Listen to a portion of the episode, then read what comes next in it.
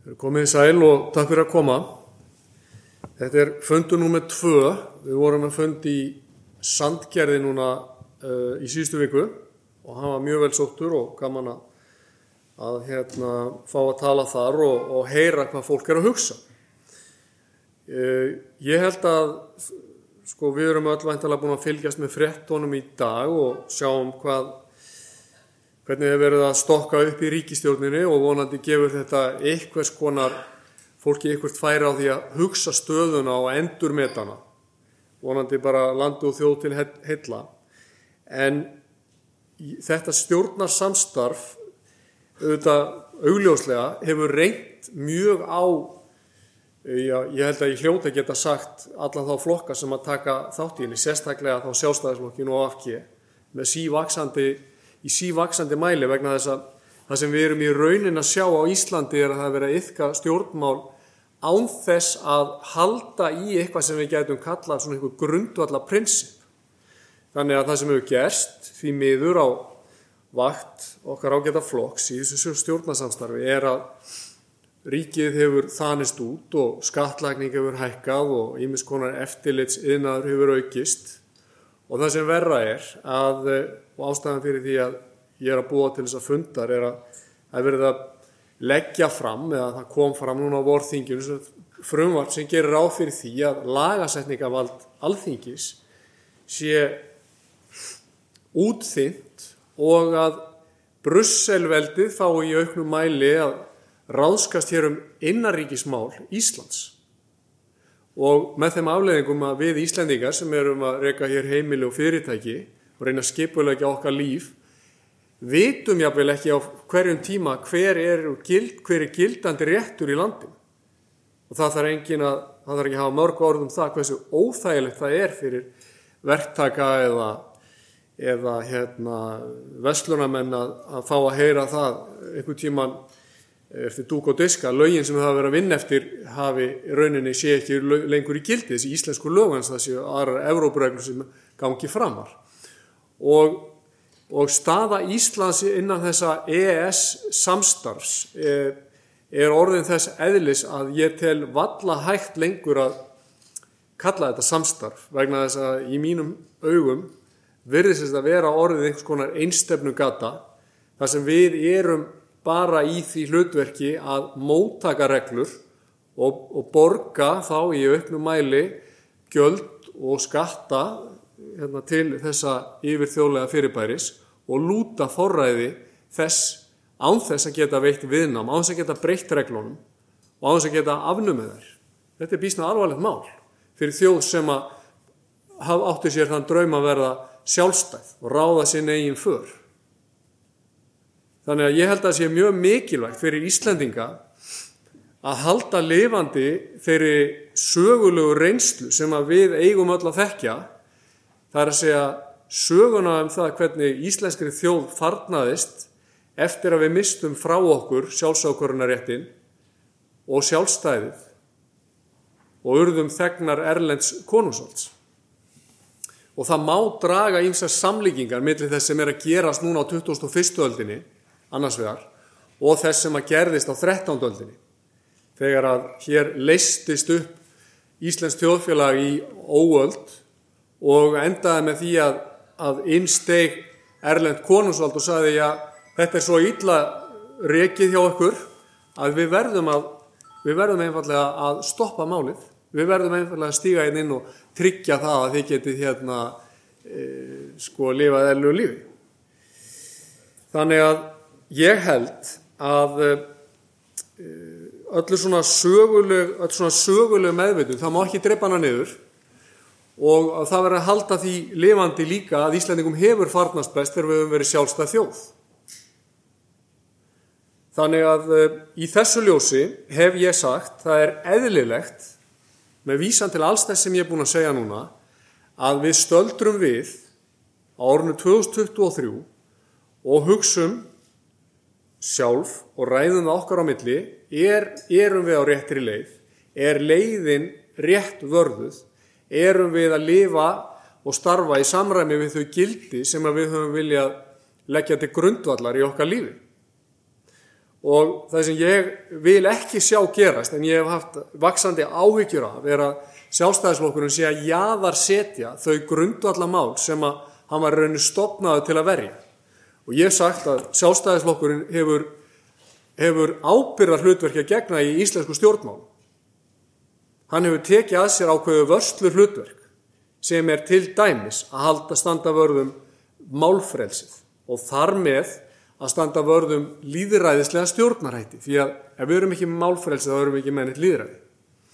Og svo meðum við ekki gleyma því að í öllu þessu tali um frelsi fólks til orðs og aðtapna þá hefur sástæðarflokkurinn sérstak vörslu hlutverk en síðast en ekki síst að standa vörðum það grundvallamál sem við sjáum í stefnu yfirlýsingunni þessari fyrstu að Ísland taki að fullu öllu öll, sín mál í sínar eigin hendur. Hvernig má það vera í ljósi slíkra yfirlýsinga að það gerist á árinu 2023 að ráð þeirra sjálfstæðisflósi leggji fram frumvar sem gerir ráð fyrir því algjörlega að mínu viti að ófyrir sinni og nöðsinnalösu að Íslands ríkisvald sé framselt til erlendra stofnana. Ok, ef að það hérna, ef að það væri líðræðislegu vilja Íslendinga, þá myndi ég skilja þetta. Ef að það væri stjórnaskrar ákvæði sem að myndi leifa þetta, þá get ég mögulega skilja þetta. Ef að það hefði verið rætt fyrir kostningar að þetta stæði til og það hefði verið kosið og viðkomandi hefði fengið skýrt umbót til að gera þetta, þá get ég að skilja þetta. En í ljósi þess að allt þetta vantar, þá er þetta óskiljanlegt með öllu og ég tel að það sé bara, það sé algjörlega óásættanlegt, svo ég segi það hér, fyrir alla þá sem að aðhyllast sjálfstæði stefnuna að forn og nýju að þetta frumvart verði lagt fram og verði stutt af þingflokki sjálfstæðisflokksins og verði samþygt af alþingi.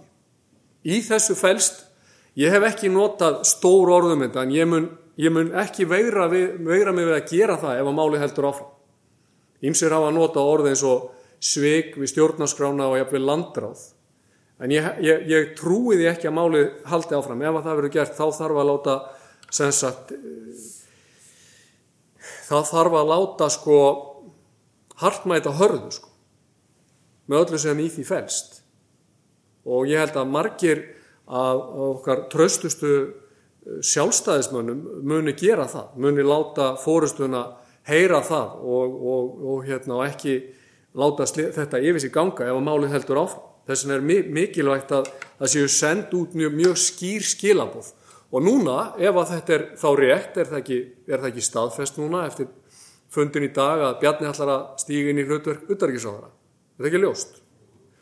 Og, og Bjarni, ég, ég hef aldrei, sko, ég vil bara segja það hér, ég held að ég hef aldrei hallmælt Bjarni Benediktinsinni Ég hef aldrei gert það nema eina sem ég hef sagt mögulega ljóttum hann var að þegar ég sagði að, að ef hann ætlaði að styðja þetta frumvar þá ætti hann að íhuga hvort hann væri rétt um flokki og hvort að flokkurinn ætti áfram að heita sjálfstæðisflokkur. Það er ekki ljótt, það er rétt. Já, svo að hérna ef að menn eru annar borð formenn og bjarni formaður þessa flokks þá geta menn ekki búist við því að sé, þeir sigli alltaf í skjóli og að hvað sem gert sé þá sé það án gaggríni. Þannig að ég, ég stend við þetta sem ég sagði að ef að menn raunveru alltaf fara að vinna gegn grundvallar stefnu miðum þessa flokks þá þurfið þeir að fara að hugsa sinn gang. Og hérna við þurfum að finna aftur þennan þessa taug sem að ég held að bærist með Íslendingum, ég meina það 40% Íslendinga kursu sjálfstæðisflokkin meðan hann held sig við það að vera sjálfstæðisflokkur. Og við þurfum að finna hann aftur, vegna að ég held að allir Íslendingar átti sig á því, hvort sem þeir vilja viðkenna það eða ekki, að við erum í mjög veikri stöðu auðvitað í umheiminum og við þurfum að standa fasta og verja okkar hagsmunni. Það gerum við ekki með því að mikið framselja mikilvægasta þátt ríkisvaldsins til fólk sem við höfum ekki kosið til valda. Það hljóta allir að skilja það. Og Haraldur Ólásson sem situr nú hér orðaði þetta frábælega. Hann sagði við kjósum ekki, það er ekki skynsalegt að kjósa fólk eða veita stopnunum völd sem við getum ekki kosið í burtu. Og ég ætla ekki að fara út í þá sálma hér reynslu breyta því að reyna að koma sér út úr Európa-sambandinu en bara allir vita hversu erfið svo ganga reyndist þeim. Þrátt fyrir þeir eru herrveldi, menningarlegt stórveldi, fjárhænslegt stórveldi og svo framvegis. Hvernig, hver væri staða Íslands við að reyna að koma sér út úr þessu embæti, eða út úr þessu sambandi. Menn með að velta þið fyrir sér og þessin er svo mikilvægt að við festum ekki höndina á okkur í vélinni ef við hafið einhvern tíma unnið á batervél eða fylst með því hvernig það er sko. Ef, að, ef að maður setur hanskan í batervélina sko, þá nærmaður hann ekki tilbaka sko. Og bara Íslendingar sem að hérna, vinnandi fólk, kjörnir fulltrúar þessar, þessar fólks hér í landinu og átta sig á því að við förum ekki á gá, gáleisislega með höndina nálagt svona hakkavel sem að sogar til sín vald og fjármunni. Og Íslendingar ætti að vera betur að sinna svo að þeir endur taki margt af því sem að gert var á fyrri öldum þegar að allir málmar og öll völd voru, voru sendt úr landi þannig að hjólið meiri segja var ekki í rauninni fært til Íslands fyrir en einhver tíman á 19. öldinni. Við vorum, við vorum slíkur út í aðar í Evrópu og slíkur út nári og hefum í rauninni alltaf verið að við þurfum ekki að ímynda okkur það að með aðild að þessu sagt, sambandi verði stafa okkar hérna svo að við verðum stöndum í hjarta þess. Við verðum með því að gerast þarna aðilar verður rauninni stafa okkur sem útunári, hún verður staðfest því að við verðum algjörlega áhrifalaus. Heldur því bara best að orða það þannig. Innan Európusambandsins, það var lýsing breyta, eru það bara tvær þjóðir sem skipta máli, það eru, breyta, það eru þjóðir og frakkar. Og Charles de Gaulle sagði það sjálfur. Allt hitt er bara skraut eða trimmings eins og hann orðaði þannig að Európa-sambandi er við þurfum líka átt, átt okkur á því hvað það er. Að þetta er sem sagt á hraðri leið til að vera sambandsríki að bandarískri fyrirmynd. Gögg sem hafa komið fram í Európu og hafa verið gerð almenningi aðgengileg núna síðustu árum afhjúpa það að fyrirætlunin var strax í upphafi að búa til sambandsríki að bandarískri fyrirmynd og Í því sambandi hefur Dómstóla Európusambandsins gengt algjöru leiki hlutverki við að bræða saman ríkisvaldið í þessum ríkjum og högva af því sem að kalla mætti fullveldis réttur þessara ríkja. Og sumum blöskraði það mjög þegar ég fór að tala um það að mætti finna samlíkingar milli Sovjetríkjana annars vegar, sálugu og Európusambands nútímas en það gerði ég ekki til þess að vera leiðilegur En staðrindin er samt svo að í Sovjetríkjónum, gömlu, þá, þá störfuðu þjóðþing ríkjana og, og þinghúsun voru opinn og menn voru kjörnir inn á þing og svo framvegis, það var bara eitt vandamál. Og það var það að þessi, þessi þjóðþing höfðu engin áhrif.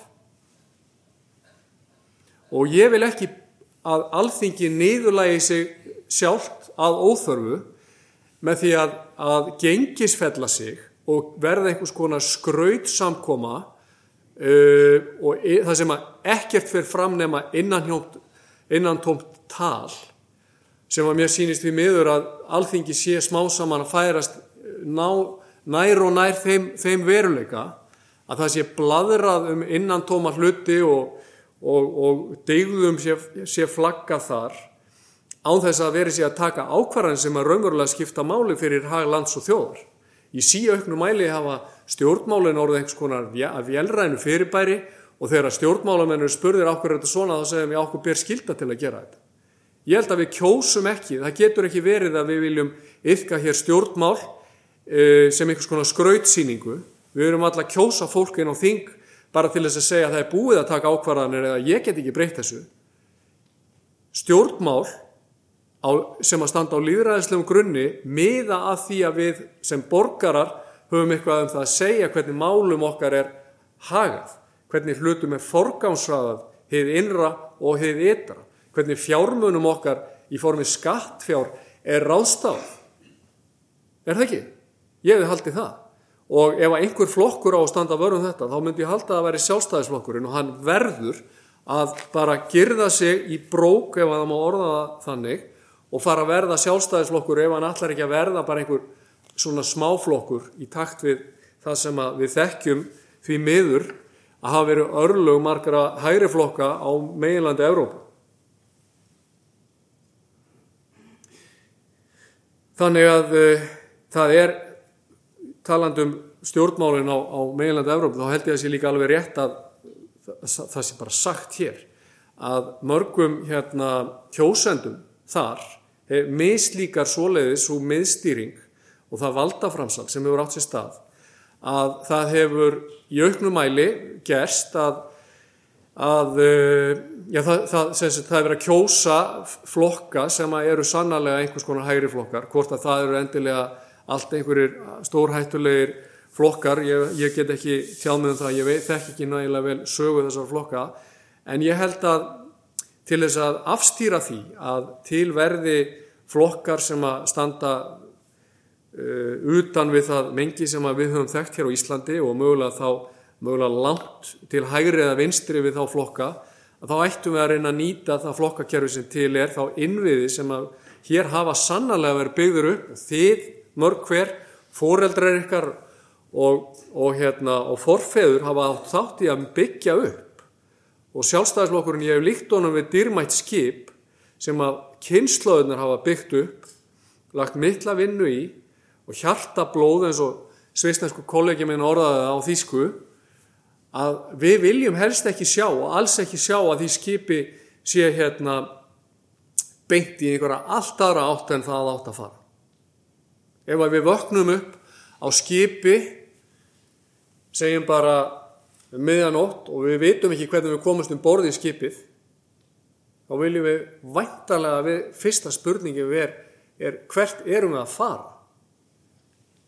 Og við, við hljótum í ljósi alls þess sem ég er búin að segja núna við ykkur að vilja vita það hvert er sjálfstæðisflokkurinn að fara undir stjórn núverandi fórustu í núverandi ríkistjórn. Það er ekki óeðlegt að þeirra spurningar sé spurt og það er ekki óeðlegt að þessi beðið um skýr svör. Í líðræðislegum flokki á slíku umræða eiga sér stað. Í líðræðislegum flokki má halda svona fundi eins og þá sem við erum að gera hér.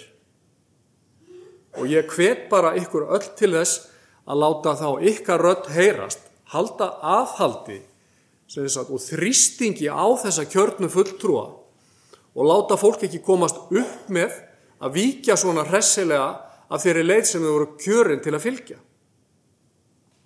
Þannig að ég vil segja við ykkur bara kannski að lókum að ef þið flettið þessu, þessu tímariti sem ég var að segja ykkur frá hérna áður en að fundurinn hófst að þá er að, þar að finna ímsa svona kvartningu til sjálfstæðisflokksins eins og þá að, að hérna, það sé hans hlutverk að standa á fylsta rétti þjóðarinnar í innaríkis og utaríkismálum og halda á lofti meðvitund meðal almennings um það að sjálfstæðisbaráttun er ekki lokið. Það er sóta sjálfstæði í Íslendinga í eins og formi og það er gert með því að skerða löggjafavald okkar. Það er ekkert grín mál. Það er ekkert gaman mál. Og, og halda á lofti hér áminningu um það og einhvers konar varnaðar orðum um það að það sé ekki sniðut að innlega hérna yfir þjóðlegt miðstjórnavald Evrópusambandsins og að sjálfstæðislokkurinn eigi að stuðla hér að vald dreifingu og styrkja alþingin ekki að veikja það. Það sé hlutverk sjálfstæðislokksins að standa vörðum réttaríkið með öllum þeim fyrirsjáanleika sem í því felst en ekki að veikja réttaríkið með því að opna gáttir er og innflæði erlends réttar og það sé sérstaklega hlutverk sjálfstæðisflóksins að styrkja líðræðið en ekki veikja það. En líðræðið vera sjálfsögðu veikt ef það á að færa lögjafavald úr landi. Og síðast en ekki síst að það sé ekki á í umbóði kjósenda sjálfstæðisflóksins að, að ríkisvald sé lagt í hendurnar á fólki sem svarar ekki til nefnar ábyrðar gagvart íslenskum kjósend Þetta eru grundvallan mál og ég ætla að segja eitt í viðbúnd af því að fjölaðin minn orðaði þetta þannig viðmjöndum daginn, hann segi venjulegir íslendingar hafa engan, engin á, engan áhuga á að ræða um lög og lögfræði. Ok, og fullveldismál, ok, ég segi ef, hvað, hafa, hvað er það þá sem að brennu svona á Íslendingum? Þá segir hann, það eru efnahagsmálin og skattarnir og vextinnir og ég get skilið það. En, kæru vinnir, ef við viljum lækka hér vexti, ef við viljum setja bremsur á útgjöld ríkisins, ef við viljum koma böndum á verðbólkuna, þá er það leiðin til þess að setja til dæmis lög og forgámsraða hér innanlands og í útgjöldum sem beint er til annara ríkja. Og það gerum á líðræðislegum grundvelli en ekki með það að ofur selja okkur fjarlæg og valdi. Þannig að ef að það er rétt, sem að ég alltaf ekki þetta efast um, að efnahagsmálinn séu aðal áhuga máli í Íslendinga, þá er leiðin til að taka á þeim málum vantanlega best svo að það sé gert á grundvelli líðræðislegar umræðu og innlends lagasetningavalds en það sé ekki verið að snúa hlutónum þannig á kvolf að ímynda sér að fólk sem að svarar ekki til að ábyrða gagvart okkur og þarf aldrei að sjá okkur og þekkir ekki til aðstæðina fólks til dæmis hérna á Akranesi sé best til þess fallið að fara að taka ákvarðanur um efnahagsmál og forgámsöðun á Íslandi. Ég tel að það sé glabræði og ég vil loka kannski fundunum með þá kvartningu til ykkar um það að þið raunverulega farið hérðan út og tali við alla sem að ykkur tengjast, hvort sem það heita kjörnir sveitastjórnamenn eða kjörnir alþingismenn eða fjölskylda eða vinir eða nágrannar og ræði við á um þessi, þessi alvarlegu þróun sem er eiga sér stað hér á Íslandi. Þannig að við öll hver og eitt, hvert og eitt getum verið staðið til varnar landin okkar og sjálfstæðið þess og lögunum okkar og liðræðin okkar og réttaríkinu og framtíð barnan okkar og ég hef sagt að við skuldum líka forfæðum okkur, okkar það. Okkar. Að nákvæmlega, standa vörðum auðlindirnar okkar, þær verð ekki seldar hér uh, einhverjum uh, sem sagt uh, mönnum til dæmis sem að finna ekki til neitnar ábyrða gagvart íslenskum almenningi eða íslenskum byggðum. Auðlindir eru, eru hérna eitthvað sem við eigum að nýta okkur sjálfum til framdráttar eins og reyndar er bara bókstaflega nýtt á í grundvallar stefnuskar á sjálfstæðisflokksins og þessu nýttar landi og þjóð til hagspóta og ekki seldar og undirverði og svo framvegis. Stöndum vörðum það, takk fyrir það. Og þar með, já, þar með allir ég ljúka minni ræðu og svo getum við talað saman. Þannig að ef þið eru með einhverjar aðtóasendir, einhverjar gaggrinni eða ábendingar, þá er það bara því að fagna því. Július. Er ekki óhægt að segja að ríkisútvarpið og útvarpið okkar allra og örgisvendir þjóðarinnar hafi staðið sér afskaplega illa að kynna þau atrið sem að okkur, flestum hefði þessum samfélagi, afskaplega ekki afskaplega mikilvæg. Eins og til dæmis í sambandi við þrýða okkurbakka. Það sem ríkisútvarpið notaði fjölskyldu þætti Gísla Martins að gera stoppa grín að aðstæðingum okkurbakkans. Já. Og þeir hafa ekki sagt orð, að vísu einn þáttur minni sem þú komst fram í fyrir árið síðan eitthvað slíkt slík. Er það ekki skilda ríkis að kynna svona mikilvæg mál fyrir þjóðum og, og mynda umræðu grundvöld og, og, og, umræðu þætti og fleira um, um þessi aðrið.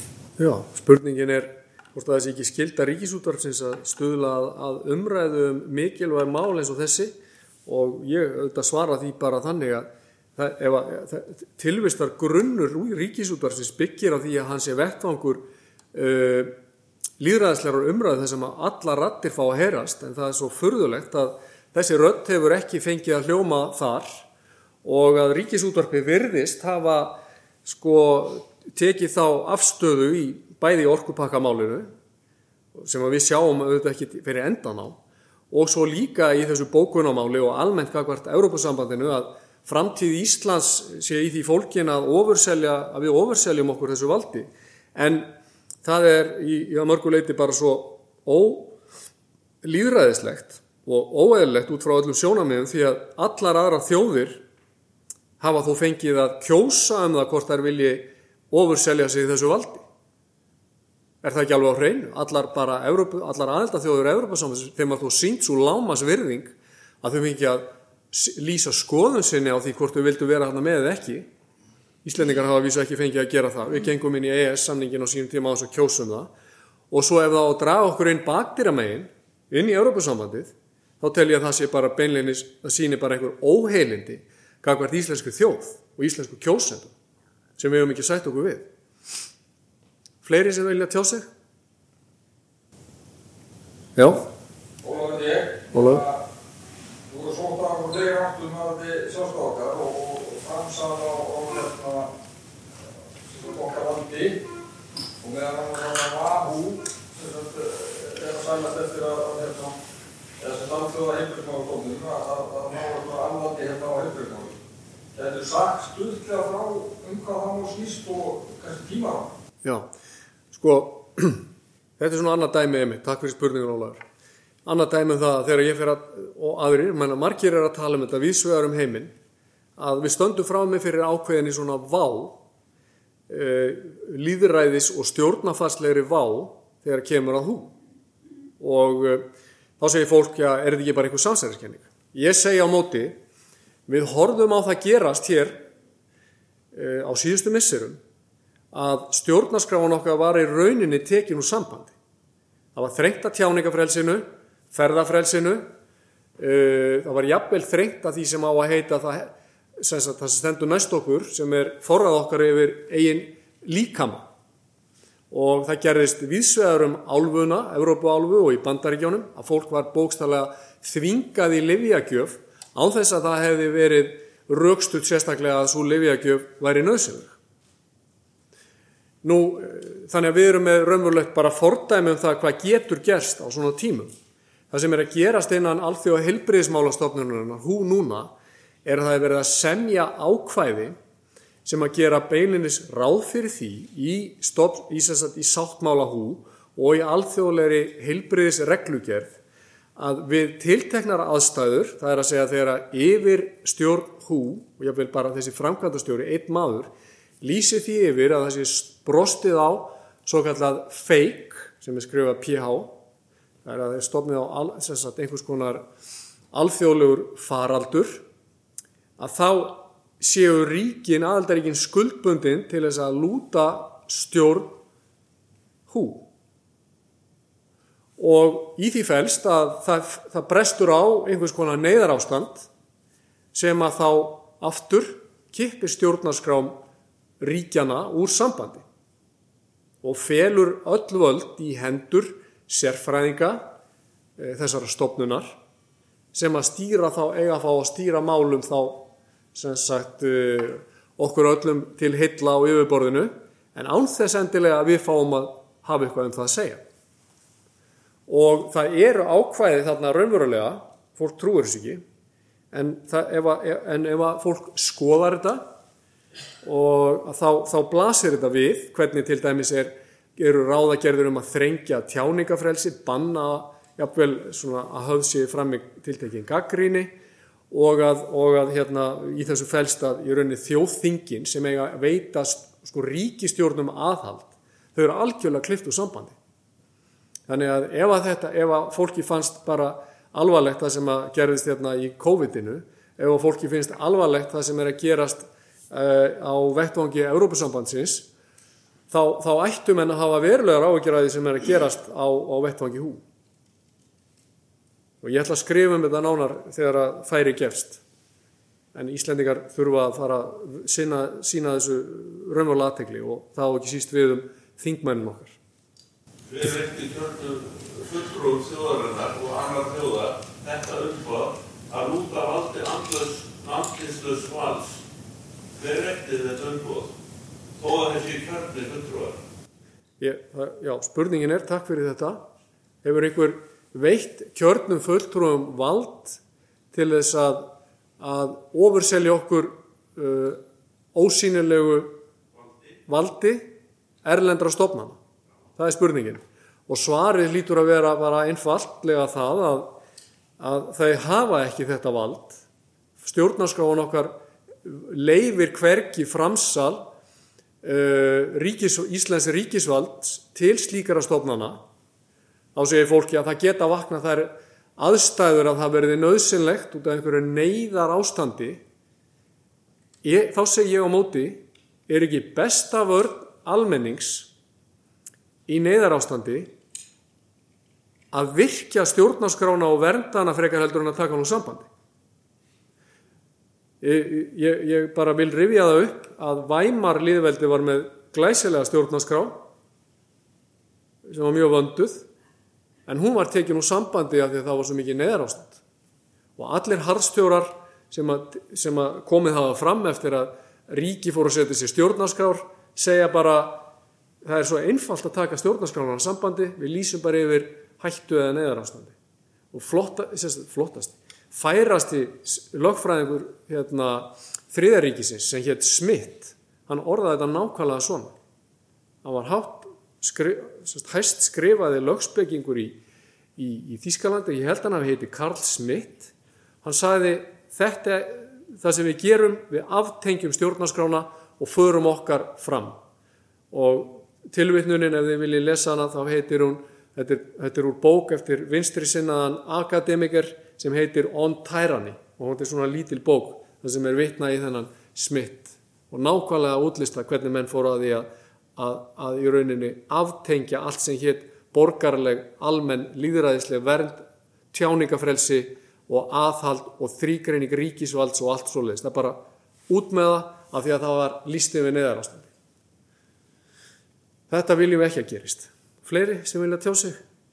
Það var að tala við þingmann og sögutæk í ágúst, ég mann að vera með hann. Hann að spörður um, um hú. Og þá sagði hann að ég, er við þessar nefndir og hinn nefndir, ég er bara kynnt með þetta, ég veit bara ekkert um þetta. Já. Þetta er þingmaður sem á að setja í það. Já. Í passum. Já. Spurningin er sko hvort að þingmönnum á alþingi Íslandinga sé stætt á því, verandi á sínum launum, með sína aðstofamenn, að svara því til þeir eru spurður um reglu sem á að fara að innleiða og skuldbinda Ísland með að þeir hafi ekki kynnt sér þar. Mi- Mitt, Með þingmennina, þeir hafa ekki hugmynd. Já, mitt svar er að þeir, þeim leiðist ekki að svara svona. Að þetta er þeirra að vinna, þeir eru útverðir íslenskrar sagt, líðræðislegs stjórnarfars. Og þeir mega ekki sofa á þeirri vakt. Og nógu mikinn mannabla höfum við á þinginu í formi aðstofamanna og á, nefnd, á nefndasviðinu og svona að það á að vera hægt að útbúa handa öllum þingmönnum almenna samantekt á því sem um er að ræða vegna þess að vegna þess að uh, þetta stendur svart á hvítu svart á hvítu í reglónum sem verið er að ganga frá. Á, á vettvangi hú. Og það, bara, það, það er þetta rekja pælið í allar breytingar sem verið er að gera þarna núna sko. það meður sér að búið að strika yfir veist það sem að maður held að maður aldrei strikað yfir. Það er verið að einsetningin er eitthvað svona að, að hú muni sk- skuldbundu sér til að starfa alltaf á þeim grunni að sem verið að verja almenn mannréttindi. Það er búið að strika setningun út núna. Pælið því. Sem þess að mannréttindi sem að við höfum talið að væri nokkur með svona slegið væri svona bara þessu hefur verið í gatta slegið eins og, eins og hérna, höfundur njálu orðaða þetta væri bara, bara fast sæti bara fast og nokkuð með gulltryggt. Nú er rauninni verið að opna fyrir það að það sé vegið að þessu að sjálfsögðu undir formerkjum eins og einhverja almennar umhyggju fyrir okkur en það er samt sem áður verið að gera þetta þetta er býstna alvarlegt mál hversu vel Já, hvað gerist ef að bókun 35 verður samþykkt og í tengslu við auðlindir okkar eins og hérna, sjávar, sjávar, og það alltaf. Hvað gerist? Já, sko Já, spurningin er hvað gerist ef að bókun 35 verður samþygt og hvað áhrif hefur það hugsalega á, auðlindirnar okkar?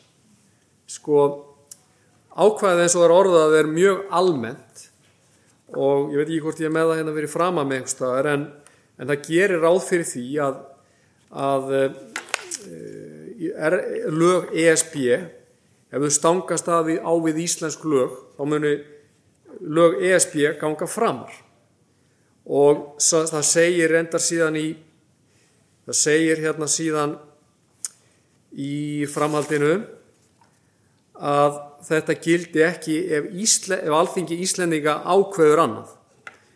Sko, þetta er, já, þetta er svona, ef skýrt og óskilir lagakveði sem réttilega innleiði skuldbindingu EES samningnum er ósamrýmilegt öðru almennu lagaákvæði, það er að segja íslensku lagaákvæði, að þá skal þið fyrrnefnda ganga framar, þá skulle lög ESB ganga framar, nema alþingi hafi mælt fyrir um annan. Nú er það bara til að svara þessari spurningu í fyrsta lagi, alþingi hefur aldrei á því 30 ára sögu mælt fyrir um reglur sem ganga þvert gegn EES-réttin. Það er eitt. Alþingi hefur aldrei í 30 ára sögu stíinuðu fæti og beitt andmælarétti. Það er annað. Þannig að ég tel að það sé ekki líklegt með nokkrum hætti að í alþingi muni mæla fyrir um annað en þessar reglur. Vegna þess að það er þá líka ljóst að ef það verður gert þá fáum við yfir, yfir okkur alls konar skadabótamál. Þannig að þýsk fyrirtæki getur sagt, við erum búin að fjárfesta hérna á Íslandi, við gerum hérna samninga við Íslenska ríkið eða Íslenska útflytjandur og grundvelli þessar á þessar regla, ESB-regla og nú ætlum þið að fara að setja reglur um það að íslenska reglur sem er að fara að mæla fyrir um annað, nú erum að, nú erum þið búin að baka okkur, tjón og við erum að í skadabótamál og það er þessi getið spilast. Þannig, síðan hitt að, að sko almennir svona út, óútfylltir hérna, víkslar eða tjekkar er ekkert mjög sniður og við vitum það að á 30 árum hafa svið og ímislegt verið felt undir EES-samningin sem aldrei stóð til að yrðu felt þar undir. Við þekkjum það til dæmis að landbúnaður og sjávarótuður var sagður undan þegin. Nú hefur það hins vega gerst að, og gerðist fyrir nokkrum ár síðan að innflutningur á hráu kjöti var leiðu til Íslands þrátt fyrir aðvörunar orð ímissa sko kunnugra manna um dýrasjúkdóma og livjanótkun í landbúnaði að þetta væri ekkert mjög sniðut.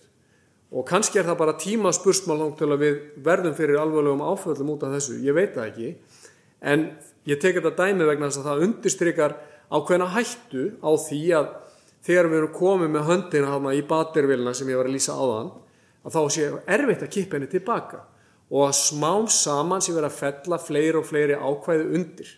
Þannig að það sem að mun gerast, það sem að, sko, það sem að til dæmis geti gerst varandi auðlindirnar okkar, taland um það, er að við erum búin að skuldbind okkur til þess að lúta öllu því sem að fellur undir þriðja orkupakkan um miðstjórnarvald stopnana ESB og þess vegna þá segja menn við mig, já en þetta skiptir einhver máli, það hefur ekkert gerst. Og þá segi ég, þetta er svona svipað og maður sem hefur verið varað við því að setja höfuð á sér í snurru og stígu upp á pallin stendur upp á pallinum og segir okkur voruð það að banna mér að gera þetta? Það hefur ekkert komið fyrir mig. Og einn daginn geti það gerst að það verði nefnilega bara sleft pallinu verið kift undan. Og þá erum við ítla sett og hvað gæti það verið? Það gæti verið það að, að það verði allt í einu orðið fjárhærslega gerlegt og talið arðbært með þá ný, nýri tækni hugsanlega að leggja sæstreng til Íslands og um leið það gerist þá verður sagt nú er ekki lengur forsendum til að reyka landsvirkjun á, á, á, á þeim forsendum á þeim grunni sem að það fyrirtæki hefur reykið hinga til það verður að brjóta landsvirkjunu upp og selja hana og allir geti þá selt sína orku inn á, á, á dreifi neti til Evróp. Og það mun einfallega bara þýða það að þá dinglum við í snörunni, hafandi samþýtt þetta allt saman og getum ekki mótmælt þessu lengur og getum ekki sagt að við séum eigum að fá einhverja undan þá sem við hefðum kannski geta gert á fyrirstíðum og sannlega gátum gert á fyrirstíðum. Og rafmaksverð á Íslandi mun snar hækka í samræmi við það sem að gert hefur, gerst hefur í Nóri, bara svo við förum nú ekki lengur en það. Og auðlindin okkar, þessi dýrmæta auðlind sem fallvötnin eru, verði allt í einu ekki lengur í okkar höndum og landsvirkjun er komin þá í hendurnar á fjárfestum sem að sjá sér leika á borði, verandi í svona ákveðinni einokuna stöðu því allir eru háðir rafmagni. Ég er ekki á móti markasvæðingu frekar heldur en aðri sjálfstæðismenn, ég held eins og vera ákveðin svið þjóðlífsins eigi ekki að vera ofurselt markaslögmálum og þá er ég til dæmis að tala um vatn og ramagn og svona þess að kalla mætti lífsnöðsinjar og það er, ef við fletti bara sjálfstæðis hérna, rítinu hérna, sjálfstæðis stefnunni Það er svona, það er, þetta er rít sem að margir eiga frá 1929 til 79, gamla ræður formana sjálfstæðarflokksins. Mér sýnist allir vera sammála um það að það er að virkja auðlindi landsins almenningi til hagspóta til þess að renna stóðum hér undir gott atvinnulíf og, og, og heimilislíf landsmanna. Þannig að við séum hérna, njótum þeirra kosta sem í því eru fólknir að búa á Íslandi og ég meina mennis og Ragnar Öndursson að tala um það. Þetta er eina, eina af líkil ástæðanum fyrir því að það er gott að búa á Íslandi að við búum þó við látt raforkuverð og þurfum ekki að borga mikið fyrir heitt og kallt vatn. Við, við, akkur ættum að vera að skemma það? Akkur hefum að fórna því á, á, á alltari sko markaskuðsins? Ég dyrka engan guðnum að guða almáttum. Ég ætla ekki að dyrka enna markaskuðin. En getur verið að sé eitthvað tengst á milli bókuna 35 og allar þessar vind orku garðar sem þú var að reysa á knallan? Ég, ég, ef, ef það er tengsla millir bókunan 35 og, og þessar orkugarða þá get ég í sjálfu sér ekki svaraði kannski frekar en þú en, en það er óþægilegt til þess að hugsa ef að, ef að menn hafa setið við tablborðið hinnum ef við hafið að, að, að skipulegja slíka skák að láta Íslendinga fyrst samþykja þriði orkupakkan til þess að geta síðar, ég meina árin í því vitið í, í, í, í lífi stórveldis eða heimsvalda ríkis eru, skiptir 1-2 ár kannski einhver máli, 10-20 ár skiptir einhver máli. Ef þetta er á langtíma áætlun að koma með sæstreng til Íslands þá geta Íslandingar ekki sagt núna við viljum ekki fá sæstreng. Vegna þess að við erum bara einfallega skuldbundin til þess að greiða fyrir frjálsu flæði á vörum og ramagn er orðið vara eins og kjöti sem við varum að tala um á Þetta eru, þetta eru graf alvarlegir hlutir og við getum ekki verið svona, gengið fram af svona gáleysi og fyrirreikjuleysi. Og spyrja ég, Já, Ólafur heiti ég. þessar. Þetta er svolítið dagsveitsmynd sem við erum að tala um hérna, en, hún er nokkuð, nokkuð nær sanni. Sko, mér langar til að spyrja þig að ef að, ef að þessi bókum 35 verður samþýtt, eh, mér finnst íslenska þjóðum vera að alþingi vera að byrja höfum um völda. Við þurftum að breyta stjórnarskránu fyrst. Það er, er vörðin okkar sem almennings og, og sem þjóðar að ef, að þetta er samþýgt án þess að breyta stjórnarskráni og við, við hérna, framsegjum okkar vald svona innan gæsalappa til þessara, til þessara sambandsvíkis þar stendur alþingi bara gafar þessu raunveruleikum í mínum huga þá er bara eitt íslensk orðið við þetta. Það heitir vandráð. Við höfum aldrei gefið þessu fólki umból til þess að semja um þessa hluti. Og þetta finnst mér vera alvarlegi umræða.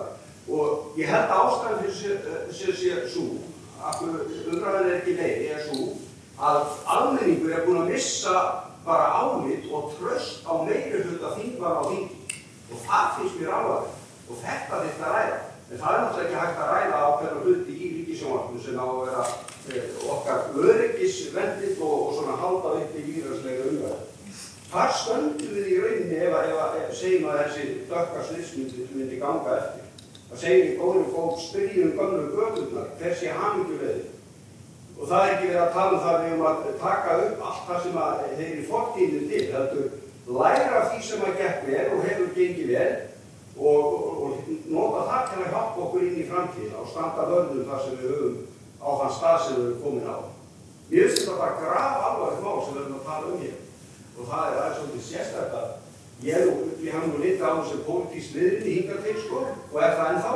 Ég hef aldrei verið flóksbundin og en ég hef mjög sterkar skoðanir en ég er alveg hissaður að skulle gera fleira fólk hérna. Bara ræða þessi mál. Það, sko, ég, Ólafur, ég vil að þú haldir fundi eins og ég er að halda núna. Þú heldur þrjumur ræður, sko. Og ég vona að þetta hafi nást að bandið. En að að þetta er bara grav alvarlegt mál. Uh, varandi ef við, ef við sagt, uh, hvað á maður að byrja? Þú veist að Aldous Huxley skrifaði merkilega vísindaskáldsög á 2000-öldinni. Það sem hann spáði fyrir um þjóðfélag framtíðarinnar. Það sem væri ekkert mála stýraliðinu og hans sín var bara það að fólki verður bara haldið uppteknu við einhverja helvítis fróð og það skipti sér þá ekki af stórumálunum á meðan. Stórumálun bara fara fram með á þessu skip í myrkri sko. en það sem þú vart að segja er auðvitað algjörlega satt. Og þannig byrja á öfugum enda og ég saði nú við einn hérna ráþherra í ríkistjórnunum daginn sem fór að tala um bókunamáli við mig að hann hann sko mætti, mætti átta sig á því að ég tel nákvæmlega að sé verið að byrja hérna mál, máli og öfugum enda. Þetta þau hafi, sé, hafi ekki umboð til þess að framselja þetta vald. Ég sagði ef að það erði líðræðis, væri líðræðislegu vilji íslenskra þjóðar að undangengnum þá e, stjórnarskrár breytingum þar sem Íslendingum gefist kostur á að kjósum þetta þá er ég ekki svo forstokkaður að ég ætla að standa í vegi fyrir því að ríkisvald er þið samþygt en vandamálið er bara nákvæmlega eins að þú orðar þetta Ólafur þau hafa ekki umboð til að framselja ríkisvaldið með þessum hætti í báa við stjórnarskrána. Og það er alveg ástæða fyrir því að þetta, þessi bókun 35 er bókun en ekki inn í EES samningum vegna þess að þeir sem að komu að EES samningnum á sínum tíma svo við nefnum nú bara kannski tvö nöfn Jón Baldvin Hannibalsson og Davíð Oddsson sem eru nú báðir stálgreindi menn og menn með að hafa alls konar skoðinar á þeim.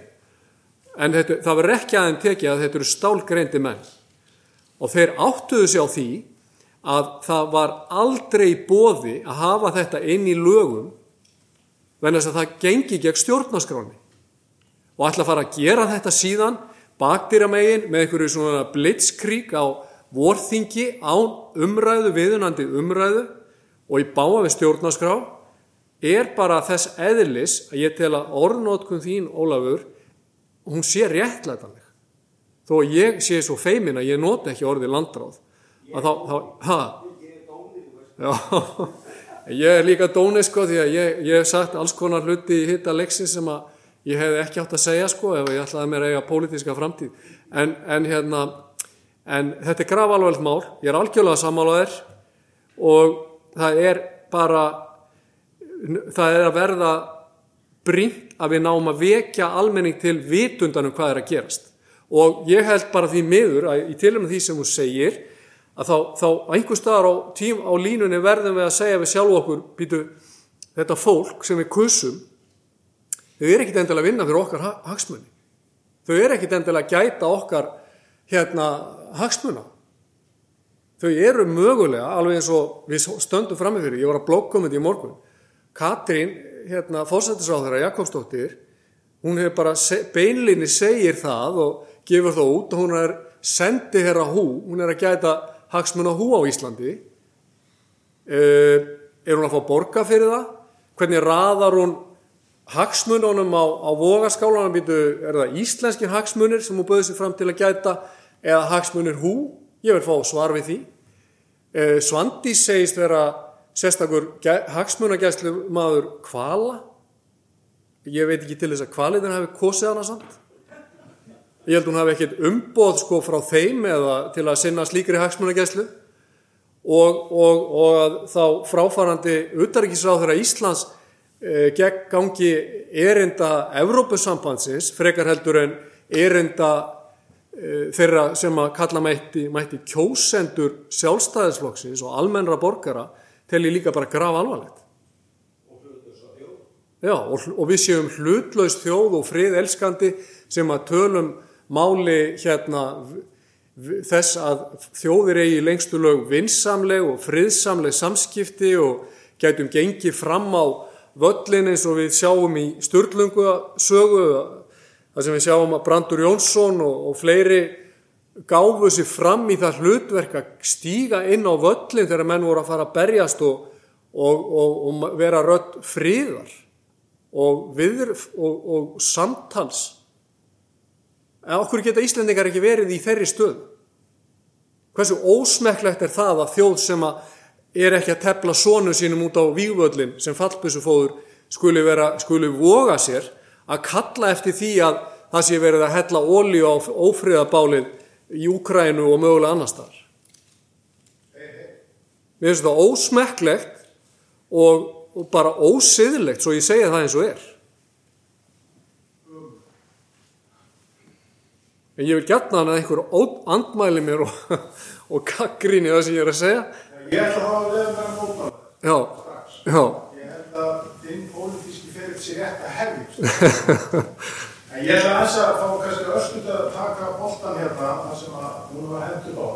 Ég held að það séu tengst milli til dæmis vindmilla og ímislegs annars við, við þennan þessa bókun 35.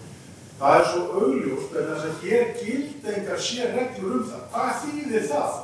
Það þýðir þá bara að Evrópureglur gilda já, nema að menn rétt upp hend og setja sérstaklega reglur á mótið og ég er saman á mun seint gerast einmitt. og, og það er alveg, alveg grátlegt helvíti, vil ég að með að segja að, að horfa upp á þá fyrirverandi utanríkisváður núna að mæla fyrir þessu máli að fyrir hörku sem hún hefur gert því miður á sama tíma hún er að tala um einhverja gull húðun Evrópu regluna bla bla bla sem einhverja réttlætingu fyrir þessu öllu saman. Og kannski östuð að því að þú nefndir það að lögfræðinu stundum þurru og leiðinu og fólk þykist ekki að við nennir ekki að skilja hana. Ég veit að við erum alltaf að þrýr hérna og kannski eru miklu fleiri sem við hérna lesið að fræði og stjórnafræði bara svo við rifum það upp þegar allir sem hér sitja inni fara og ræða við sína vini og kunningi og fjölskyldu og, og kjörna fulltrú sem jafnvel vita ekki það sem ég ætla að segja ykkur núna. Það er nú bara einfallega þannig í stjórnfræðiréttinu og hefur verið kent um langa hríf við vilaðardeltir hér á landi að það er þessi kenning Montesquieu um þrískiptingu valdsins sem er auðvitað gert þess að tempra valdið hvert um sig, það er löggjavaldi, framkvæmdavaldi og dómsvaldi. En þegar öll er á botnin koll, þá eru allir sammála um það og hafa verið hér alveg frá líföldi stofnum að löggjavaldi er langsamlega mikilvægast af þessum þremur greinum. Vegna hvers? Jú, það er þetta vegna þess að framkvæmdavaldinu er að starfa í við lög og dómstólar eiga að dæma eftir lög. Þannig að hina greinandi tvær, að segja fændakvöldu dómstólar, er alltaf bundin á lög og þó að það sé ekki alltaf þannig í framkvæmd í reynd. Sko.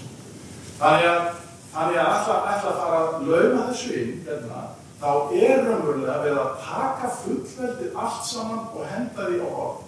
Það er ekkert flóknar en það. Já, sátt og sorglegt að er að horfa á þetta, þá verðum við bara að tala um hlutina eins og við erum. Alveg, og vera ófeimin við það. Einmitt. Örleiti tekið undir með það, þetta er auðvitað bara algjörlega á skjöl við stjórnarskrána. Það, menn er þá bara að byrja því að horfast yfir það að þetta má ekki, það er bara, það er bara svo einfalt. Og byrja þá að breyta henni til þess að þá, þá rétt þess að gera svona. Nákvæmlega. Það þarf að gera hlutin yfir réttri röð, sko. Algjörlega. Já, En hvernig geta þeir uh, þetta fólk, ég meina, brotið stjórnarskrána og samt haldið áfram? Þú veist, og þeir meina bara allt, ég meina, ef við stegum kallum meina frá, þú veitu, mm. af hverju komast þau upp með þetta að, að bara haga sér eftir sínum BH-gerða, já, og eins og kemur þá bara berlega í ljósa að þau eru ekki þarna fyrir okkur. já.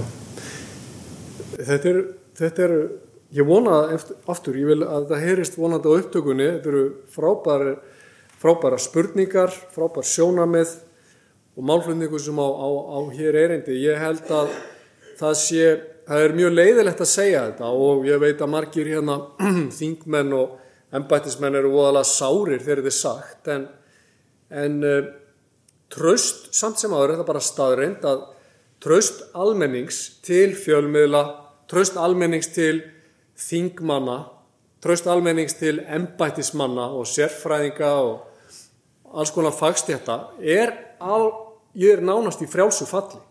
Og það er út af því að mörgum almennum borgurum finnst að þessar fínu stjættir sem að sumi vilja kalla elítur séu ekki að þjóna lengur þeim uh, því vörslu hlutverki sem að þau hafa tekið að sér og að, uh, og að þau líti svo á að þau séu í einhverju þjónustu erlendra stopnana eða í einhver samkrulli með kollegum sínum, erlendum kollegum. Og það hef ég kallað hotlustu villu.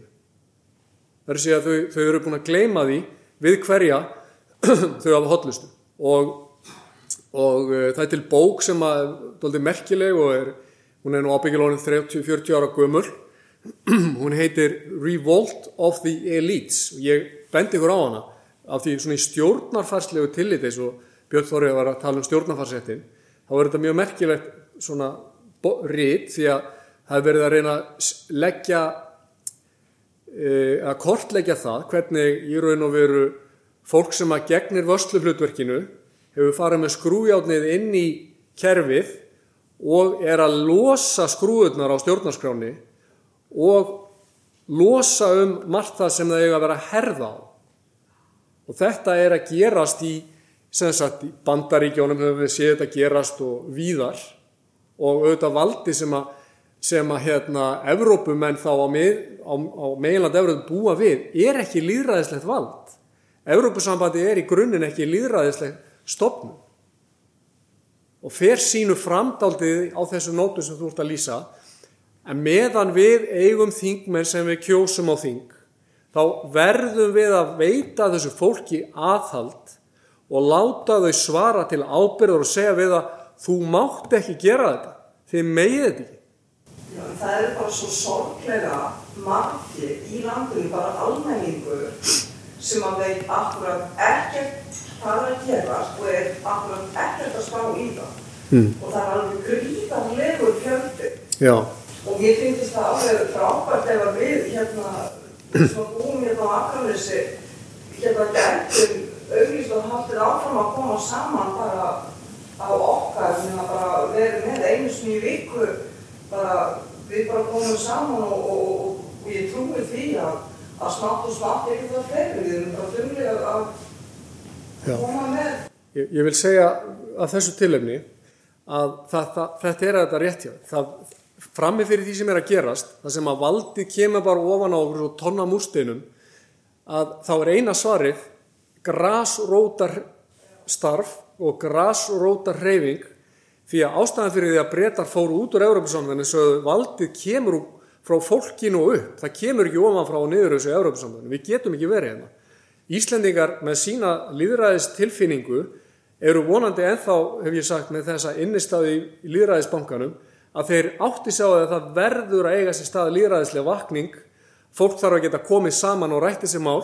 Partur af vandamálun er að stjórnmálaflokkarnir eru orðinir að ríkistofnunum þeir þurfi ekki lengur á grassótin að halda.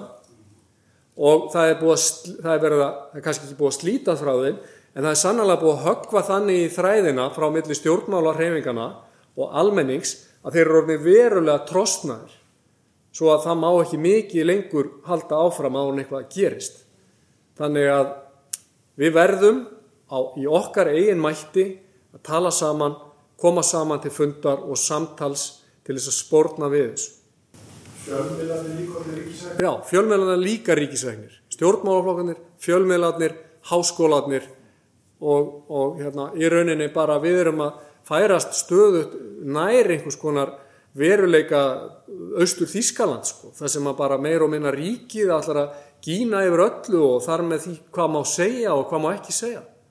Ég vandumóli gera svo að valdaðir vilja heyra það sem fólk heldur það sem valdaðir vilja heyra.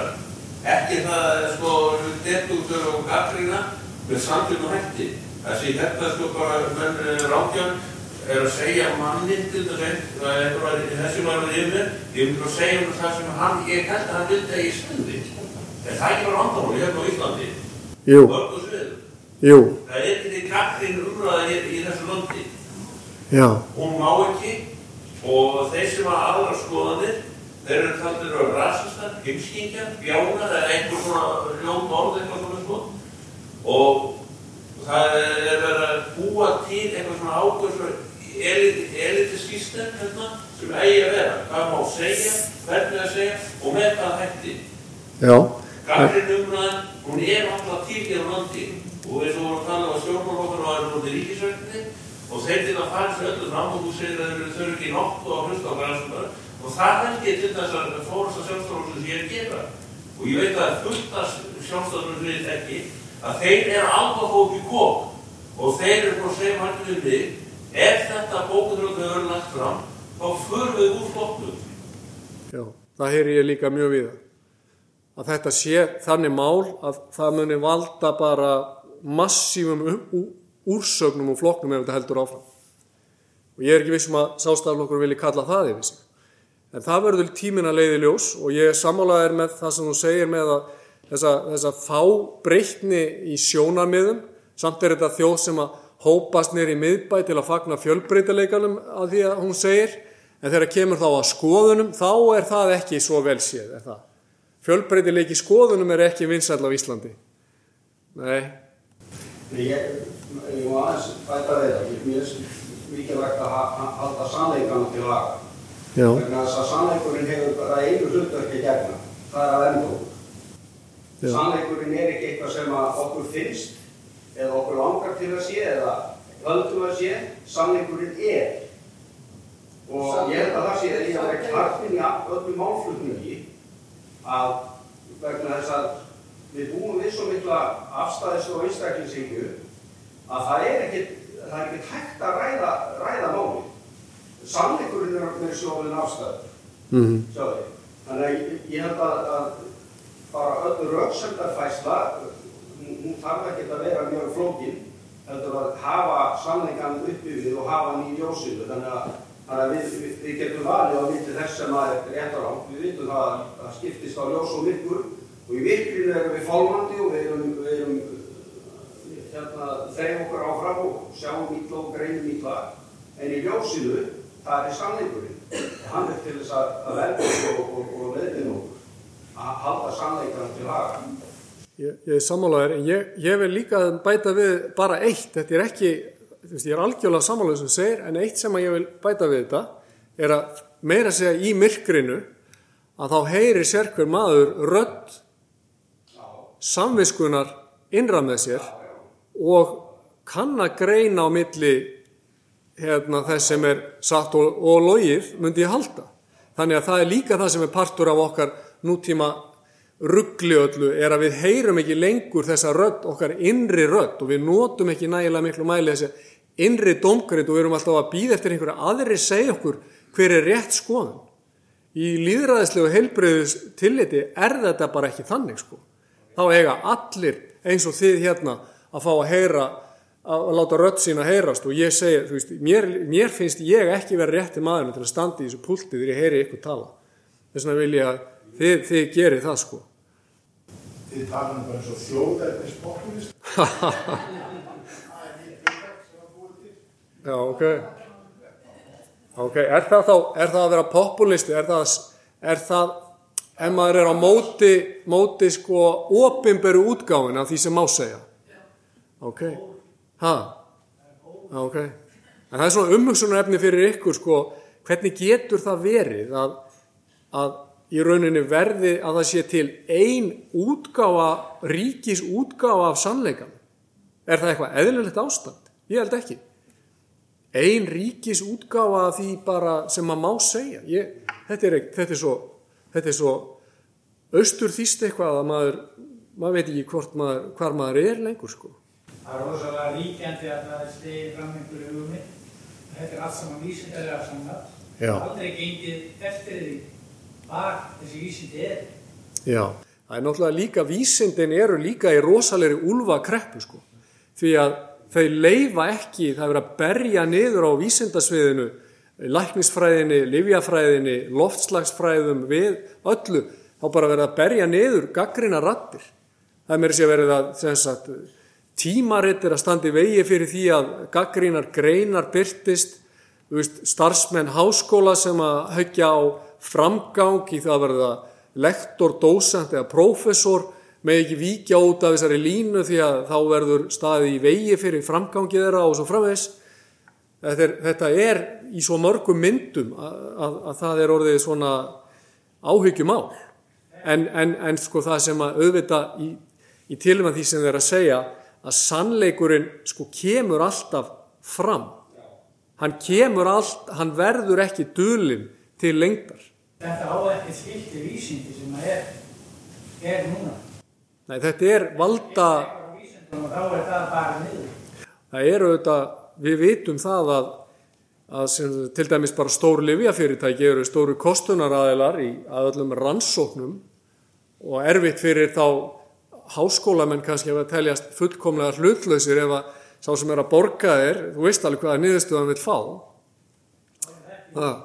Og ef að ríkið er að veita styrki til einhverja tiltökuna rannsókna þá kannski veistu líka nokkurn veginn hvað þú átt að segja ef þú vilt fá meiri styrki eða fá að tala á ráðstöfnum og svo framvegis. Þetta er ekki einfalt. Þess vegna er, er svarið, meina, sem, sem sjálfstæðismenn eigum við að vita það að svarið er ekkit allt fólki í því að ríkið eigi að geta upp hvert svið mannlífsins á fætur öðru. Heldur þvert á móti að gefa einstaklingunum rödd og aðtapnafrelsi. Ég held að það hefði farið mjög hátt að, að lýsi á þetta var að gera rannsóknir og lýsi í sambandi við COVID. Og fengu, fengu mjög góða niðurstöður úr því. Fengu háan styrk til þess að halda rannsóknum áfram. En það fór ekkert rosalega hátt að það var ekki ennum nokkrum dög og setna þá var styrkun kipti fag. Nú að það. það er að skipti Ok. það var því að þetta eru rannsóknir sem að í sambandi við þetta að lýsi eða áhrif á veiru Mm. D-vitaminu, já, ég trúi því. en styrkun var kipti fag þetta er innan þess Ótrúlegt. Já, ótrúlegt. Veistu hvað aðeins það var sem að, það veistu hver það var sem að veitti styrkin í upphafi? Ég, það það, en það er rannsóknar, einhver rannsóknar sjóður hérna. Þeir hljóður. Já, já, það eru rannsóknar sjóður, sko. Það er eitt þetta. En það er interessant líka í að því sem þú sagði þetta að, að sko Evrópsambandi að það er búið að ná tökum á fræðarsamfélaginu með útilegur peninga. Já, Þetta er ekki bara innan, stóru styrkir koma utan. já, Það er byrtast þetta reglulega fréttir af einhverjum vísindamanni sem fekk 200 miljónur, 500 miljónur eða 700 miljónur til að rannsaka eitthvað Mhm. og ég bara segi Guð minn góður í hvert sinn Mhm. vegna, þess að, vegna þess að þe- þetta fólk er ekki að fá styrki til þess að gera annað en það sem er þessu er- erlenda valdi þóknar. mhm, Það er engin, það er engin að dæla peningum í íslenska vísindamenn öðru sem að þessi, þessi að gera eitthvað sem þeir eru þóknar. Það segir bara sjá. mhm, Nei, Það er allt til sölu fyrir peninga. já. Líka vísind. mhm. Þessi vísindamenn sem hafa í ára tíu haft rödd og er að tala gegn því að loftlagsbreytingarna séu að mannalöfum að einhverju leiti við, við mættum ganga betur um, um jörðina og, auðvitað jörðina og allt það og fara á rástafa því betur. En, en ég komst yfir það var erlend dagblæði, ég mann bara ekki hvað það heitir sem að beittum ég, ég hvort það var linkur sem ég fór inn á hjá þér á tínu bóki. Þar var verið að byrta umræður það var einhver, einhver svona tölmanördi sem hafi náð í samskipti milli fjölmarkar vísindarána og þeirra sem að hafa hæstu röddina núna í Európa tala fyrir þessari miklu loftlagsvá sem að er gaggjart til þess að ræða fólk og, og auðvitað fer hún ekki framjá það er hvert mannspall sem, sem sér það en það átt að vera rökraður milli þessari vísindamanna og þe- þetta var eins og þetta voru og börn í sandkassaleg það var engin rökstunningur frá þessum sem að halda loftslagsvanni á lofti en þessir gömlu sem eru búin að vera í háskólum um allan heim virtusta háskólum og, og voru, nú að rökstíða sitt mál með, með miklu skilsalega hætti og, og síndu fram á það sem vísindin gátur sanna sem að var og er sannleikur þeir tóka yngur rökum. Þetta var bara eins og börn í sandkassaleg þetta, þetta var fáránlegt að lesa þetta. Það voru hundruði tölvuposta þar sem að virtir vísindamenn voru bara jáðarsettir já. Því miður, allt og mörg dæmi um þetta. Það er bara, það er bara að að einu þá, þá uh, taka vísindin á sig mynd átrúnaðar einhvers konar. Og við, veist, það er ekki hlutverk vísindana og við því verður að bregðast. Og, og það sem er, það auðvitað er að gerast að, að, að hluta til kannski því að menn er átt að segja á því að það er kannski ekki endilega besta fyrir hérna, ung, ungt fólk að fara að ganga í slíka réttrúnaða kirkju sko, ef, að, ef að háskólan er alltaf fara að breyta sér í heilaþóttastöðar þá er miklu heilbreyðara fyrir ungt fólk að fá sér sem sagt, fara í yðnám eða bara fara að vinna sko. Það er svo Björn Tóri sagði, það er gagnast við að, að selja þetta og veita peningum einmitt í þetta. Já, einmitt, já. En hvernig er hægt að borga sig frá veðrinu? Er ekki veðri bara, sé það ekki, eða náttúrulega hún heldur áfram saman hvað borgum í því já. og hvað verður um þessi peningur? Já, ég, það eru menn hérna inni betur til þess fallin að svara þessu eins og Haraldur Ólafsson hérna að hérna ég ætla að láta hann um það en, en vissulega kerfið eins og það er sett upp býður upp á alls konar spillingu og, og, og millifæslu fjármuna til fólk sem er sannarlega ekki til þess eða þessu umkomið að, að breyta veðrinu sko. Við skulum alveg hafa það á hreinu. Ég, ég held að enginn sé svo valda mikill að hann geti það sko. En ég ætla ekki að gera lítið úr því að fólk vilji auðvitað af einhverjum góðum hug reyna að gera sitt besta til að draga úr útblæstri eða eitthvað slíkt. Ég segi það ekki en gott og vel. Eitthvað fleira, eitthvað að lokum sem þau vilji bæta við? Þórður? Já, er ekki rétt tilbyggingum með að það er síðast verið að dæla í okkur fleiri reglugjöfum frá Já. okkur pakkarnir voru eitt dæmi. Nú erum við að samfélgja á að helsta samfélgja sem bókum frá það fyrir allt einu við erum að fá þessar reglugjöfum samt hengiseflitið eða svona nú utanfrá þetta er alltaf bara að aukast hraðan á því að það sé vera að höfka undan fullvöldinu Jú. Jú, það saði við mig sagt, þingmaður, ég ætla nú ekki að nefna nafnas en ágætum maður. Hann saði að ég var alltaf svona fremur hliðhollur Evrópussamstarfinu en nú er það að renna upp fyrir mér þegar sem ég sitt á þinginu að þetta eru hundruði reglugerða og tilskipana á hverju ári og er ekki gengi allt og langt, segir hann. Og ég svara því svona eins og þú segir að verið að grafa undan stóðum okkar líðveldis með, með þessari þróun og einhver staðar verður að setja að draga línuna og á einhvernum tímapunkti verður, verðum við að fara að taka alvarlega umræðum það hver er fórnar kostnaðurinn af þessu. Og, og þá með það í huga að við segjum hugsanlega upp EES samningnum því að við teljum að fórnirna sé orðnar og miklar og gerum tvíhliða samning við Európusambandið sem að fróðir menn tjá mér að sé raunverulega bara einfaldasti hlutur í heimi því að þegar við segjum EES samningnum þá rakni eftir sam, samkómalagið til nýs lífs og raundar e, til tvöfalds lífs því að hann hefur verið lifandi allan tíman í viðskiptum Sviss og Európusambandsins. Þannig að það veri auðvaldasti hlutur í heimi fyrir Íslendinga að endurheimta allt sem heitir Íslands lögjavald og forraði á, á sínum málum og einfalda allt sem að lítur að öllu þessu sagt, regluverki og bara eigða þess út að stórum hluta uh, með því að bara fara í tvíliða viðskiptasamband við Európusambandið og opna fyrir viðskipti við allan heiminn og loka okkur ekki inn í einhverjum svona evróskum auðring sem að margir eru farnir að líta líka Európusambandinu við og kalla þetta bara kartell á, á sem sagt erlendu máli. Já, já, þannig að sko Ég held að það sé bara sjálfsagt að hafa þann möguleika á borðinu ef við viljum hafa opinn huga. Jón Baldvin, Guðfæðir samlingsins, Já. mælir með því að hún sé sagt. Er það virkilega? Hann er búin að tjá sig um þá. Ok, það eru frettir í mín eiru, það er bara gaman að heyra það, gleðum við. Bara út af þessu, ég munið það reynd. Ok, Kannski. já, Þannig að og að var í sjálfstæðarflokki það var hann held og var já, Jón Baldvin hefur komið tvisa sinum á minnstakosti á fund hjá félagi sjálfstæðismannum fullveldismál og, og tjáð sér þar bara með frjálsum hætti og við fögnum því auðvitað. En hann, se- hann segja samningurinn og afleggingar hans í orðnað nú þegar eitthvað allt annað heldur en hann sá fyrir.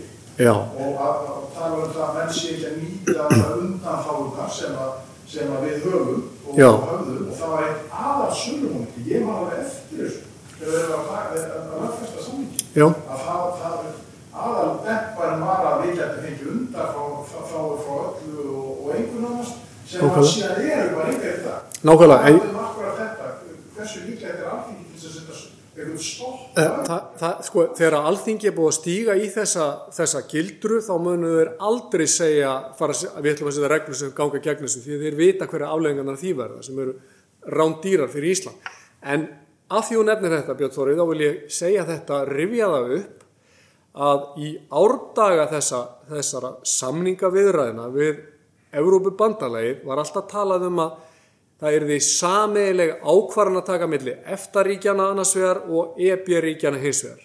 Þetta er í tveggjastóða kerfi sameileg ákvarðan að taka þángar til að Jacques Delors segir á orðinu kringum svona 1990 það verður ekki sameileg ákvarðan að taka. Þá var horfið að því að segja EFTA-ríkin halda neitunavaldið og það er það sem að Jón Baldvin hefur staðið mjög fast á og, og það er ástæðan fyrir því að ég hef varð að blanda mér í pólitík er að einhver lagadeldar dósend, eins og ég kalla viðkomandi sagði Íslandingar get ekki sótt um undan þá frá þrið orkupakkanum. Þá fór ég að andmæla því og ég talaði við bæði Daví Oddsson og Jón Baldvin og ég hafði eftir þeim að prenti er þetta var grundvallar forsenda á hálfu Íslands á sínum tíma að við hefðum sinjunavald það stóð aldrei annað til ef að það hefði átt að stíga ofan á það og svift okkur það slíku valdi þá hefðum við aldrei skrifað undir samningi sögðu þeir báðir. Og þetta má ekki glemast ok, en ég bara ég er mjög gladur að hafa komið og hitt ykkur.